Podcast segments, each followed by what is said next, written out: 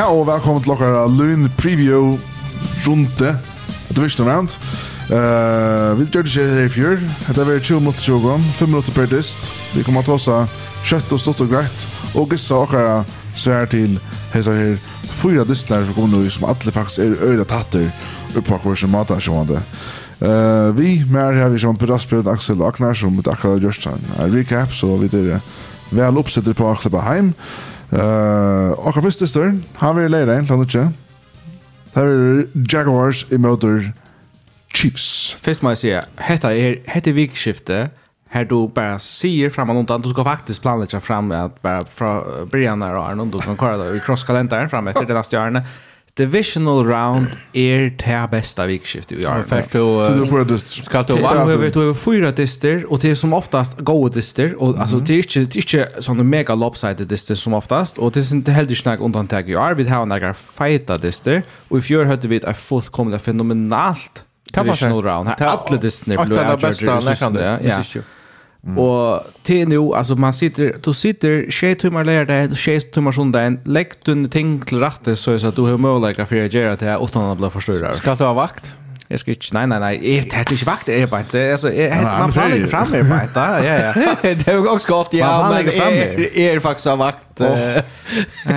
Vi vi får det att göra så läs att vi får att vi ser listen, så ser vi oddsen till listen, så ser vi vad vi ligger efter i listen, vad vi ligger så ser det mest till kväll liksom ganska matchups och så vidare. Kan det välja åkt, og Axel vil åkt, ja, og, och Agnar vil åkt? Och så så väljer en person som ska se hur heter liv för vinna och så kan en annan person se hur heter för liv för vinna. Oh ja, okej. Så får han andra mannen. Korrekt. Vi gör det. Men alle tipper alle gånger. Ska du se hur Jaguars för vinna? Nej då. Nej, helst ikke. Uh, er det så Jacksonville som færre til Arrowhead i Kansas til fjerde siden mot første siden? Det vil si at topp fjerde siden kommer faktisk kommer vi gjøre det i, AFC. Uh, opening linjan er minus nudger Chiefs, som er øyla størst. Uh, Ligger som uh, favoritter, så er faktisk greie favoritter fram omtann. Hva skal hitte disse disten der? Det er sjående Patrick Mahomes, som fyrir spela ligger som Han er ena vike, kviltor, han er hundra som klarer, atler Chiefs er klarer, så hamrande omsett bra vinn år, at han har tappt i møte Bengals i fjör, og ta vilja bare møte Bengals nastund. Ta vilja møte Bengals nastund, så ta, ta er eika, eika motiverer, og kanska, Jaguars har nog gjort prestera. Och kanske inte er det kanske kanske eller er det lika som här uppe vid Chiefs men men men är det kanske vi att att Chiefs för att Agent of Disney ner och och i intensiteten. Um, and read playoff uh, är on air level and grat Doug Peterson är på mata men Uh, bara en Super Bowl fast. Bare en Super Bowl fast. Hallå. Ja ja, okej. Och då killar som körde det. Andy Reid stor respekt till han. Det var ganska ska nej. Chiefs Jaguars. Det som är nämligen sant vet jag att det var en vehicle så då Peter som kör fra Andy Reid coaching tree och det är ju lära att Andy Reid kan man säga så så jag tror det börjar man man han känner kan man säga att som Andy Reid vill han som alla vill det är som som står på en med Augusto gus gus om och gus lunch kommer kommer jag på samma fast tack över tror jag tror eh, jag klar att spela vi klarar att att leverera fair plays, men det krävs sannolikt att defense som spelar som och Chargers för att lag klarar att hålla fast i, i Chiefs. Så, eh, det för mig handlar det överväg om att, alla, att Charles Kelsey nu är. Eh, och så spår ni kring eh, Kalanda kan man säga. det blev lite liknande men men jag inte bara ju ser sen från från en kvalitet för sure Jag tror kanske blir vi ser för det tror jag att kanske cheese för den där nu. Hur even the cheese system. Men det syns en kvalitet då så jag på jobba för en gask och och och visst är större grejer så här en av varje som måste kan slå upp. Och här blev Chris Johnson ju är fantastisk så står inne och så är det viktigt vi vi har vi har det in inside pressure av Laura. Så det det tycker jag kan bli en liten då. Så då är spelar inte är play up this här har achieved som som ni alltså men jag tar med eh och spelar en press inte mer eh och så att så kör det där passet hem som som bara är på bästa spelare i det så Agnar, Axel är ganska, nej Agnar, och Jesus, Axel, Jeg kan ta også om hva Jaguar skulle gjøre for ja. at, at vinne. Og det er skjønt, det må henge ui. Alltså tar alla upp må visar att den samma kvaliteten som de gjorde i Ørn College mot Chargers. Här alltså heter det nog alltså skulle en shootout trick vi är. Jag vet inte om det här värjerna till att stäcka Patrick Mahomes men där går håpe på Amarskan og her vi en liten läkare. Där blir Josh Allen, tar pass rusher og så Arden Keyes in, in, in, interior line. altså at här må få pressa och rookie in chada number 1 overall pick Trayvon Walker som just går för lyssnar jar men till till är liksom till varje kan hoppa på och för god skild cirk för det att det är nämme kostnaden till Travis Kelsey som färra för 30 yards alltså och touchdowns i en sån och allt alltså att det må han inte få men det är det är Trevor Lawrence som ska ordentligt tracka ett steg fram. Ja för jag vill säga att är är ja hesten toppen någon ja NFL uh, fjällen någon är det han ska han ska se så så han jag ska spela lugga vad som Mahomes och ettla bättre så ska vi skulle ha vad Men ska ta med liksom key takeaways this nu så att katalysera this nu så det heter Kusu Jaguars katagera i varje en person kusu kun stöcka Chiefs offense? Vi kusu stöcka där Patrick Mahomes? Kusu Dolmarkadar Travis Kelsey och kusu manager allt runt om det och så vidare när när hvordan får det stakk albumen til Chiefs? Det er liksom alltid är det viktigaste spørsmålet til Jaguars det viktigaste. Jag måste också säga att det är att Doug Peterson, den första säsongsjonen, och i vecka 8 var det 2 och 6. Ja, ja. Tar vi och hette och eh tar jag finns några rekorder här i år och är det näka li som lyckas som kan i raska halt och som har i raska och flyr för så är det Jack Jacksonville Jaguars. Du tar, uh, ja, til tar at du nummer 8 pick i fjør, og er kommet playoff, og vunnet en playoff dess. Første av det som gjørs da, vi at uh, ikke har tredet seg opp til å pick, men finnes, ta kunne jo raska. Vi tog at her var oin gåan første pick. Så færre vi til Gissa. Yes. Og ber bare Pedaspelat som sier det. Helt du har Jaguars nå? Nei. Jeg har alltid med Mahomes vinner tar det høyma var til Arrowhead og Arrowhead er for färdigt stadion att spela. Det alltså för Mosully. Ja ja. Og, ja, det er bare Chiefs er bare og och Jackson förstli och tar han Beivik som burde være til firmas for tar. Jeg sier Chiefs när Times scores. Jag räknar med att en redan har tagit dyster. Alltså jag hade Chiefs att spice på allt när var tagit dyster ju. Alltså här tar jag här underperforma ofta när Charles alltså så nästa som ett liv som i första tror jag kan göra som man ska säga det är. Ehm så jag tycker faktiskt att Jaguars kom pressa där men är är nice att se att Chiefs tar tar för vinna det den. Ja, ja. Sen sen sant tror jag kan spåra där som lagt så där men Jag kan nog spela också att Chiefs orkar på tension injury men men tar väl det så en annan. Så var det last season Jogon till så det rematch mellan Bengals och Bills. Han lyssnar inte ända igen. Kan du köra det någon? Visst? Ja, jag kan lära den först. Jag kan lära sig först. För nästa. Ja, vi Så där är bara Giants Eagles till första sidan i NFC. Philadelphia Eagles. I mötet sådana sidan New York Giants. Här är opening line till Philadelphia 6, minus 6,5. Det är resten. Grejer favoritter. Jag vet inte om det är efter bookmakeren. Her er en så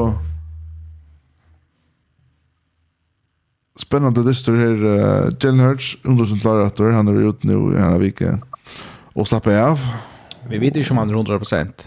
Ja, ja, nu er, han slapper av henne vike, det som skulle ja. si, säga. Och, Ja, Giants er som vi vraskar seg hans rundt det, og Axel, Axel er, oh my god, blant nødvendig stykker om det. Det er helt svagt. Axel slapp seg tås og snakk om Giants i hans, så nu kan han släppa sin tur att ta som en där preview till en listener. Alltså, ta man vara är räkna kedja samma som du gjorde i mot de Vikings. Alltså, jag hade det är öle öle gott tecken när man häver handen här. Alltså man kommer från momentum från sin största sikre och i och i LVR i NFL och är man eh man måste lätta Daniel Jones Gerard det samma efter. Det här är en lite att ska få sig runt lane in vid honom och jag har Saquon Barkley är redan nästan väl. Och att det Sean tar mot ikke turnovers og i distan. Ta slipper en underdog Scholtan att stedet vi gjør. Så är det där spänt på om, ja, om alla faktiskt gör det samma. Så jag kände verkligen inte alla upp någon. till. Det ska man minnas till att det här var inte de bästa receiverna. Det här var faktiskt snart de vanligaste receiving-grupperna i NFL. Eller ödel för en all-time goal i NFL. Um, så Hver kommer de store playene fra? Hvor leverer de? Og kan vi slippe undan noen sånne drops og noen som har vært? Vi skal faktisk ha Wild Sjøen og steppe opp. Men jeg trykker faktisk bare på at jeg trykker øyelig vel på at Dion Jones kan fortsette det her nivået som han, som han heier, og tett trykker for at gjør det til en øyelig spennende dist. Verjan, her har vi noe øyelig fascinerende. Det som Eagles er øyelig går til, til rennespillet. Giants har vært der har nu en helt otrolig god defensiv linje. Ja. Tar hava alltså Dexter Lawrence är ett bäst i världen här bara. Är alltid han är den bästa han är värd den bästa defensive tackle i NFL i år. Och Leonard Williams så nära honom i isen extremt goer och så är man K1 Thibodeau som som blev vi att dra upp en en en sky som här var Aziz Ojulari som spelar in men han han är questionable back nu.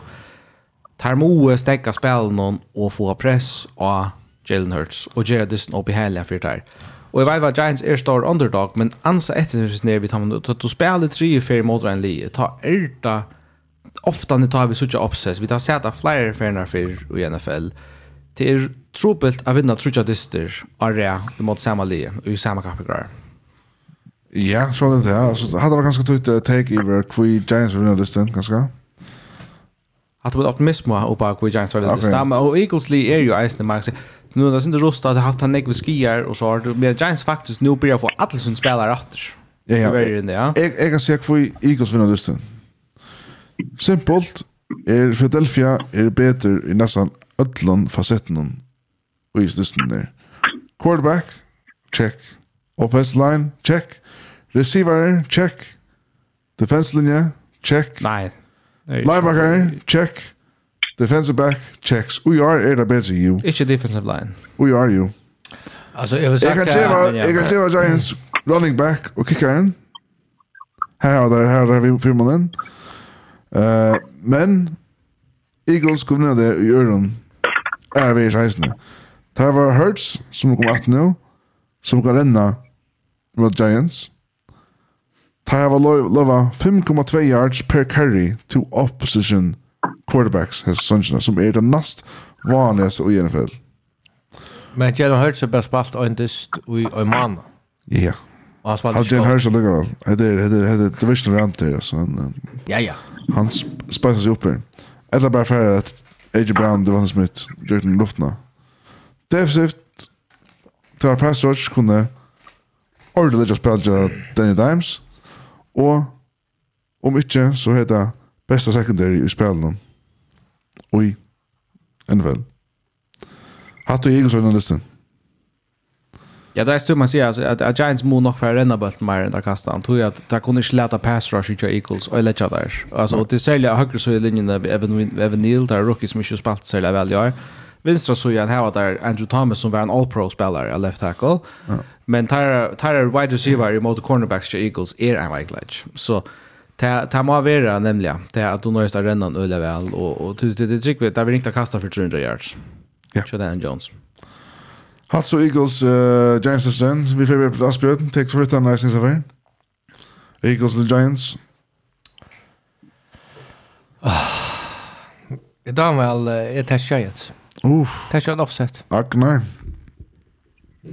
Ja, så det det man kan finna öra mätter för att Eagles gör ett li och att Eagles har tinsen lite till tartare och kämparna vilka på det första för några ting som bara brukar och har kanske chans att gå upp i ända den här pengarna himla där. Men alltså Giants så är ju alltså Ja, det är ju en är tradition Giants som kommer vi och här här tycker jag liksom att Giants vill stäcka Eagles all upp och stäcka på receiver och särskilt och ta i hurts och man sänder firebreven och klarar att, att hantera och ta attention i Jack and Så här har de en chans. Till. Vant jag det albumet för att det skårs i allt att det går gott nog med den Vikings defense som inte är så öle störst, men uh, här är en, en tryck på att det är ändå i New York och Teod som jag kan säga som också säger att uh, att det är en basering av Lynchen och och här är också Giants i playoff där det är underdog att de kommer väl vinna. Det ser det ut så jag har att att att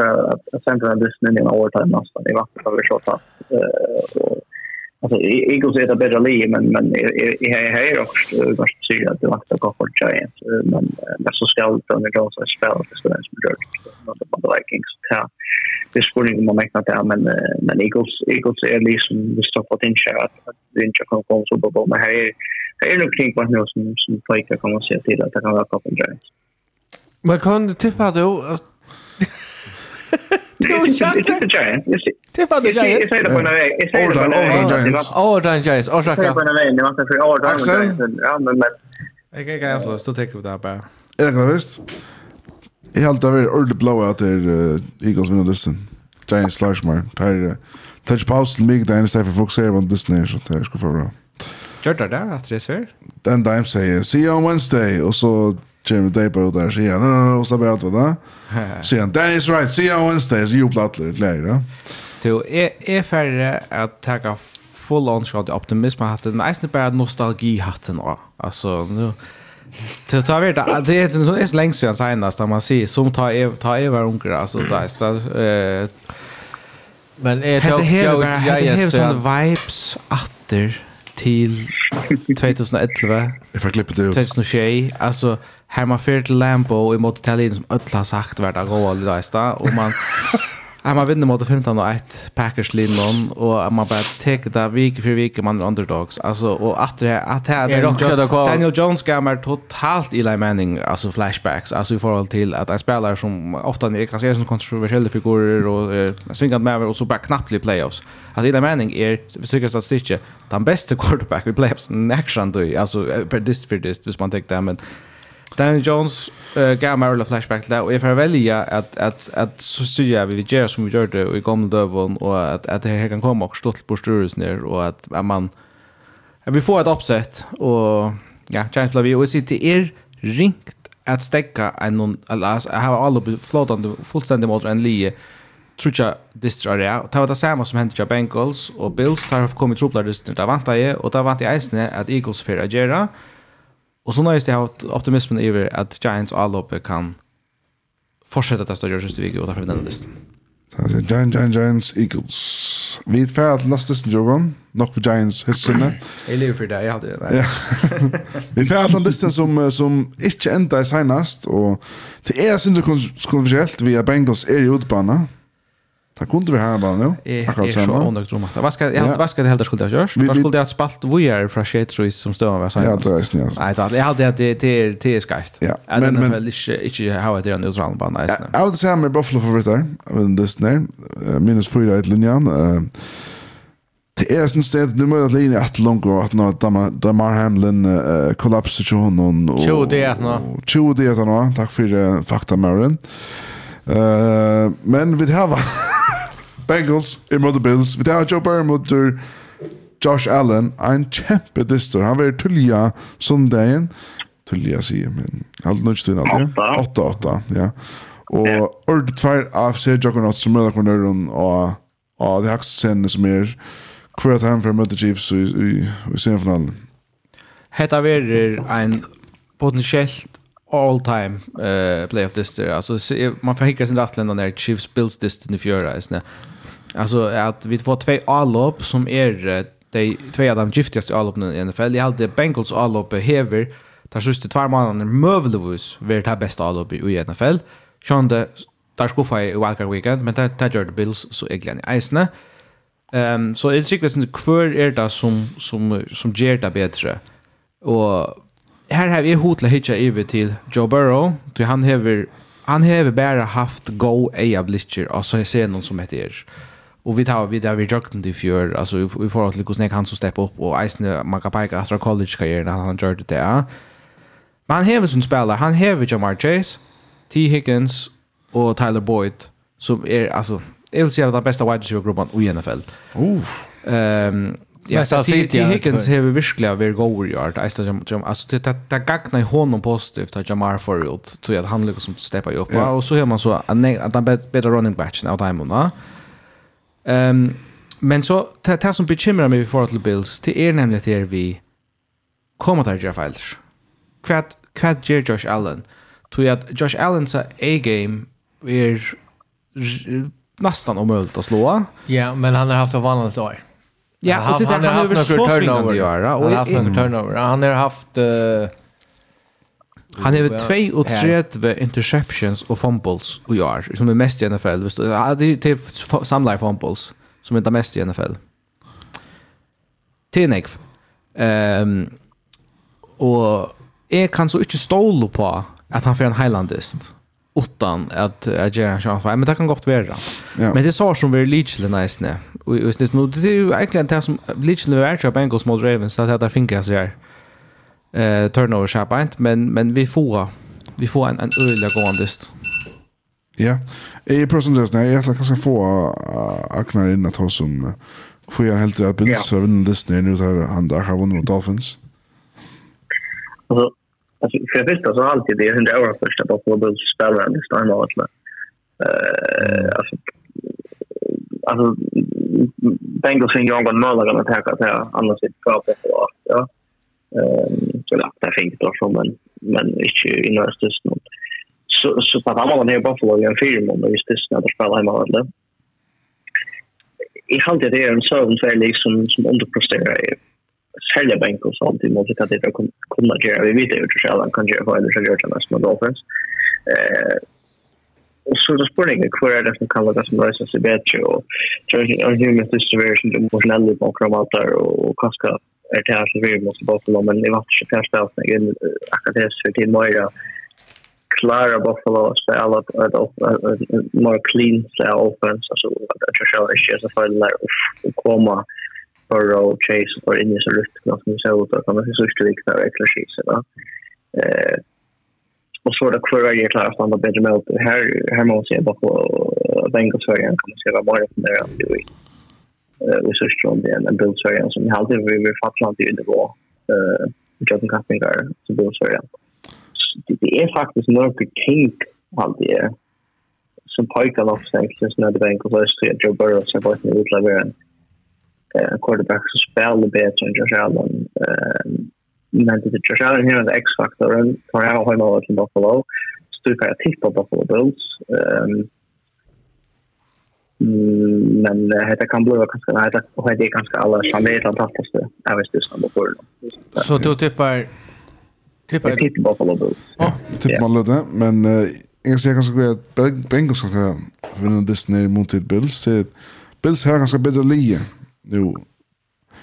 Men kanske Bengals har det bättre än det som sammanhållet av det här månaden så kan Joe Burrow få där två år redan till superfinalen Det är väl helt faktiskt så en quarterback som är så ung. Ja. Bengals Hayes Chase för större pass av Sunshine som säger att Higgins fick större bostav. Pastorsen, star pastorsen, Trey Hendrickson, han miste eisen av disse. Han så after i full force. Her Bills, til dømes. Bulls rett har skott vi Von Miller, som ble skatter, og ikke vi mer. Josh Allen, han lider alle quarterbacks turnovers, Og pluss det at Bills klarar ikke at to av seg gang vekk fra Miami-teamen vi en 30-string quarterback. Så kan det være at Bills faktisk, at Bengals faktisk er det, har ut av rundt Disney, skjøltar i utvill. Og til typet her vinna. Det sier bokmengene ikke, det sier at Bills er det største livet. Ja, det sier ikke vi, jeg alt her vinna. Ja. Minnes fyra linjer. Bengals har vunnet, nukkje distrare. Ja. Ja. Det här är det är faktiskt öll i ja. I alla fall hur så heter där där egentligen är det. Och är är halt är snä så ja, sista veckan här jag vet man kan hitta något att tog jag hade bara in i Anders and Drew arbete och är förtäckat det att är Bengals vinner ända distan. Damn, jag ska sätta iron då. Ja, säger du det? Ja. Jag säger Bengals. Tog och tänk också avhörst här att Hvis Burrow, hvis O-line helter John och han får tog i lomman och han inte kan få ut den och snack och inte på säkra han smäller med säkra och Moiran kan han stäga upp ja Sanjay han säger det att han gott har sex eller och han tar next sex Ja ja no men han för toy hvis han för toy så visst visste sig att eh hvis han är dysto som han med sakar minne igen och visst är han ja är här Men säkra minne fem fel så här är han 13 år. Ja. Eh hvis han för toy så så, så er han, ja, og han har vår godt offense. Og så endte vi ned, så jeg tipper Bengals av vinner, er at Burrow har aldri tapt en dist og januar mann. Det här med glad det var statistiken om att Trevor Lawrence aldri har tappat av dist han leger det. Ah, ja, ja, ja, ja, ja, ja, Till färre, det kanske momentum är färre. Och då spelar det där mot Chiefs. Du har så gott koll. Till färre. Jag har brukt mycket gott koll. Nästa listan er Cowboys at 49ers. Linja sier 4,5. Minst 4,5 til San Francisco. Tar er favoritter av Disney, sjølvande. Cowboys kommer at når playoff roadwin. Og det er sånn konsentreltvis nere at her faktisk spela mandag kvöld og heva tvær dier minja fyrir ekka sjuvin. Ja, kan få nærmest heva og så videre, ja. Her han en sværa den av Twitter som han kunne lagt i og spela lagt i og så sagt det at ja, ja, men altså uh, Fort Niners visst kunna spela i möte för den. Jag kan det. Han säger att uh, Fort Niners är tvärdiga Majra av fyra jag säger. Men visst kunna spela i möte många Marholt. Mm, ja, det är det. Och där Cowboys har alltid vid, vidare som jag lärde om att spela mot så vinna. Ja, det kan inte hyra fram till. Horseshit alltså. Men uh, alligevel, Dak Prescott, till 49ers, Alltså och Cowboys skulle tvär det det men å skulle färdas till San Francisco. Och skulle färdas nästan. Jag hade synte schacklet det att men hade men kanske hade en latter motivationsfaktor. Det känner Akna allt till kvar i att motivera läkaren där det också orat vurs det fram mot dem. Jag glömde San Francisco som är hinna ända annan. Alltså där sig fan bänt i San Francisco. Ja, sex nog. Helt du Agnar? Nej, ja jag vet inte alltså och hur kostnader större än större hus kan jag ta det här och hur kostnader man ska lägga ut jag det här. alltså det ska ska fokusera på det hos man man stäcker sen så det ska maskin det och då blir det alltså som vi realiserade när det hade vägen massan med något attack och man mojer display som det så för det nu när man är uppe på större och vant det sammanlagt att det blir för sjukt så där ehm tror jag att Francisco har vi så körande, välkörande och, och så, så stabiler och där har han hemmavällen och till, till har han som viven nu och så så mot alltså mot ombarrektioner eller någon bra typer är absolut sämst för Niners men men det som Cowboys först nu det Jerry som en jag kan väl nu att att det kan gå på rakt här i chatta faktiskt vi det ofta så att snacka om division round of the best och det är alltid just det bästa och det ofta ofta i San Francisco typ det är det är så så mycket så eh change the minor spot där men det är den där som det är för för Josh Allen och allt det där med sig så man väntar om Packers har det so några för det är dramatiskt så det är dramatiskt. Så så jag tycker det kan bli en olja det är spännande men men för när jag kör eh samma sätt they offensive och defensive more more på en pitch and Cowboys och such the minimal here for en där and Cowboys. Jag har hotla fokuserat på varierna bara. Det är det är kanske där tvär bästa varierna i NFL. Det är för där tvär bästa som är efterbant nu. Och Arne Arne den där varierna så det. Arne distance av varierna spelar mot Dallas Fair. Så average San Francisco vi Purdy on the field. 0,9 expected points eller EPA per play. Her, her mot the Chiefs, Patrick Mahomes åtta, average 0,8. Mm. Kanske sin större sample att jag av men alltså. Det var ju som skulle Brock Purdy. Avgjørst. just og jeg har alltid, det er stemmen kan hålla in ju att det är det är Micah Parsons, hicket nummer 11, tja, tja Cowboys. Og det, det ska jag han liner upp i för Trent Williams, som er den beste left tackle i NFL. Så vi får ordla då. Det bästa mot cornern här bara. Det kanske han kan för i vissa hinner så Parsons att pass rusha men men alltså tar här så är en spel go alltså annars spelare av varierna som kunde tvinga failer ut ur Brock Purdy som ett landa Trevon Dix till dömes kommer att så han och spela i snärdesnona. Mm Fast ut hin menna så här har för Niners Nick Bosa som kan alltså så så jag vill säga där två bästa pass rusher i NFL spela och jag är det någon. Och Tavi Rice en Litchell. Ehm Gusse kan ta få tvinga all upp ut och och out time ball all upp någon så är det nog störst chans för att Cowboys komma att att domma sig i mitten och Dak Prescott häver mest interceptions i NFL gör. Och det är inte rätt till Ajeris det någon. Så han ska spela en en feilfrian öljan uh, eh för att Cowboys skulle ha en chans. Men så uh, annars så står det stämmer med oss. Nej. Vad fjör? Ja, nämnde playoffs. Det passar. Gante. Tar kollapsa till dig. Tar tar tar dumma sig till så stam. Cowboys. Tar hava naka att hävna. Men men för Niners var ta så där så du det. Tar var jag bättre liv. Ja ja, men att det var redan bort att Jordan och QB draw. Men det är det jag vill säga. Alltså, jag, halt, jag, jag, jag är stolt på Cowboys i playoffs, men uh, um, jag har alltid till att 49ers har Allop, att han har häsa alltså, um, alltså performance akkord här, här mot, mot Seahawks så ska man vara Ölian jarver för att bättre mot dem. Så jag tar här är flickvande går och alltså man får ordentligt sådana vibes att det till Kurt Warner och Tom Brady att tar tag i Iver. Alltså det var nästan så backup quarterbacks som kom in som var som no no names eh Kurt Warner var ju en undrafted rookie som och han gick ett film någon vi vet annars American Underdog fin filmer. Ehm um, och så Tom Brady eh så han kom in vi har tagit som testar yeah. förra. Är det det samma som jag menar nu vid Brock Purdy? Jag hotla säga ja, alltså vi vi ett det bara annan Nick Foles. Ja, alltså heter här nivå heter här det det det var möjligt. Det är det isne. Jag hade bara att så där som han nu spelat att korra så så får jag säga att det är det bästa i NFL bänt nu. Det är det.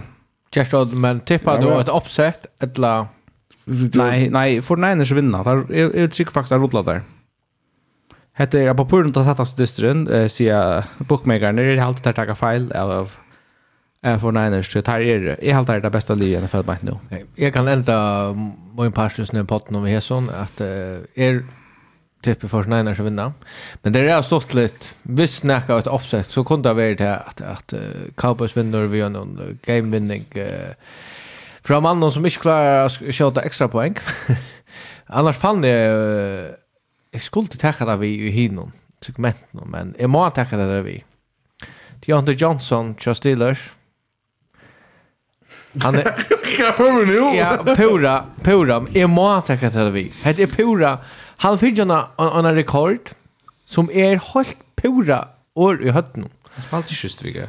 Nej, nej. Han har 144 targets. Att att kapen går är. Vi noll touchdowns. Mm. I ändvärst nej. Fun fact. Farväl och tack. Vi tar hans nasper. Alltså, vad är det? Jag måste pissa. Agnar kan helt och vinna lyssna. Jan Johnson eller Fortniners. Jag ser Fortniners. Nej, det är det. Jag kan inte stå den rundan. Så det här tar alltid inte att de känner sig inte att att har hjälp av det bättre livet. Det är Charlie som har några sög i playoff.